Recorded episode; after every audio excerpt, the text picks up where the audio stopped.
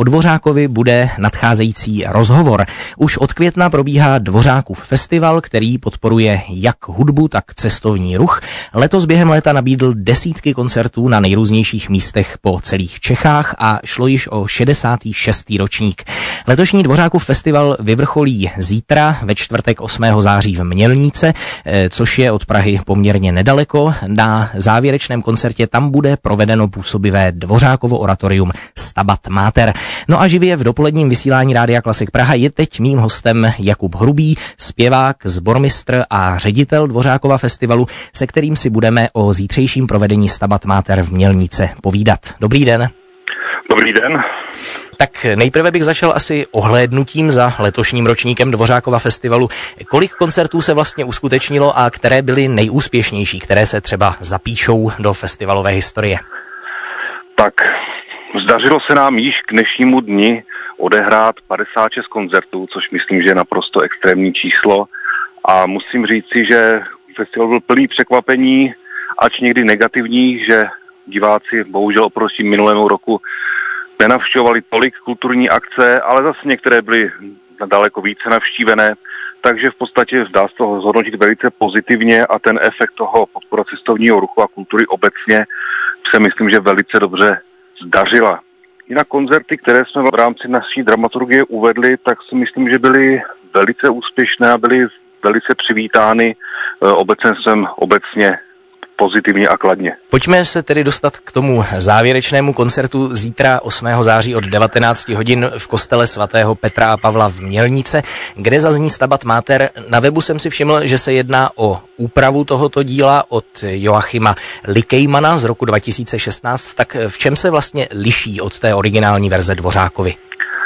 Tak je to taková novodobá nebo novodobá, je to nová aranž udělaná právě tím německým skladatelem, který toto Stabat Mater pro velký orchestr vlastně napsal pro komorní orchestr, kde je pět dechů, je tam vlastně smícový kvintet a tympány.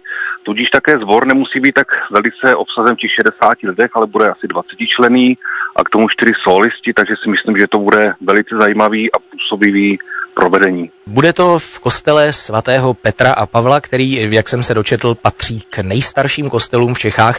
Tak jak byste posluchačům představil tento prostor, v čem je atraktivní?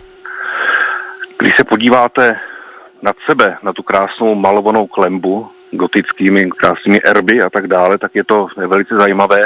A hlavně to spojení eh, tohoto koncertu a velkého výročí města Mělník je to, že toto Stabat Mater bude také uvedeno vlastně v poctě Jana Jindřicha, což byl bratr Karla IV., který byl právě narozen před sedmi lety. Na to jsem se právě chtěl zeptat, že, že ten zítřejší koncert, který vlastně má dedikanta eh, tohoto mělnického rodáka. Eh, úspěšný koncert samozřejmě zvlášť u takového díla, jako je Stabat Mater, dělají především účinkující, tedy dirigent, orchestr, sbor a samozřejmě solisté. Tak mohl byste nám zítřejší účinkující představit?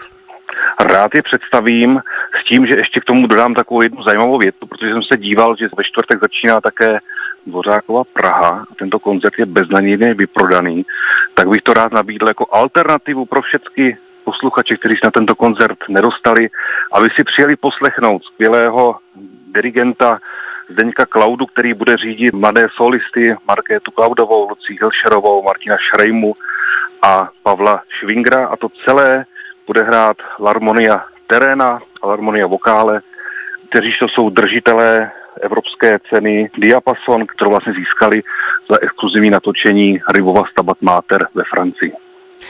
Tak eh, zmínil jste, že vstupenky tedy na rozdíl od Dvořákovy Prahy ještě jsou, tak zbývá samozřejmě otázka, kde si je posluchači mohou opatřit. Jedna možnost je na SMS tiketu, to najdete na webu a hlavně úplně bez problémů budou dostány eh, na místě vlastně před koncertem, takže, takže se budeme na vás moc a moc těšit. Výborně, tak eh, to bylo pozvání na zítřejší závěrečný koncert Dvořákova festivalu od 19 hodin v Mělnice v kostele svatých Petra a Pavla, kde zazní Stabat Mater. Já moc děkuji za rozhovor řediteli festivalu Jakubovi Hrubému, který byl naším hostem na telefonu. Eh, přeji, ať se koncert zítra vydaří a ať se daří i Dvořákovu festivalu. Naslyšenou. Děkuji vám vřele, naslyšenou.